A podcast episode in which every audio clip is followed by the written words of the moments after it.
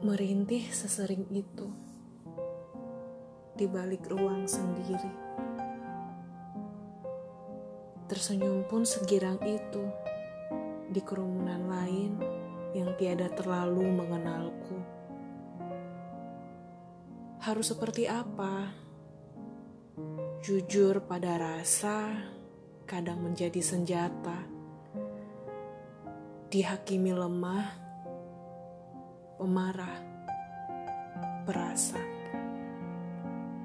Ya, jadi harus berkhianat pada rasa agar diterima sebagai dewasa.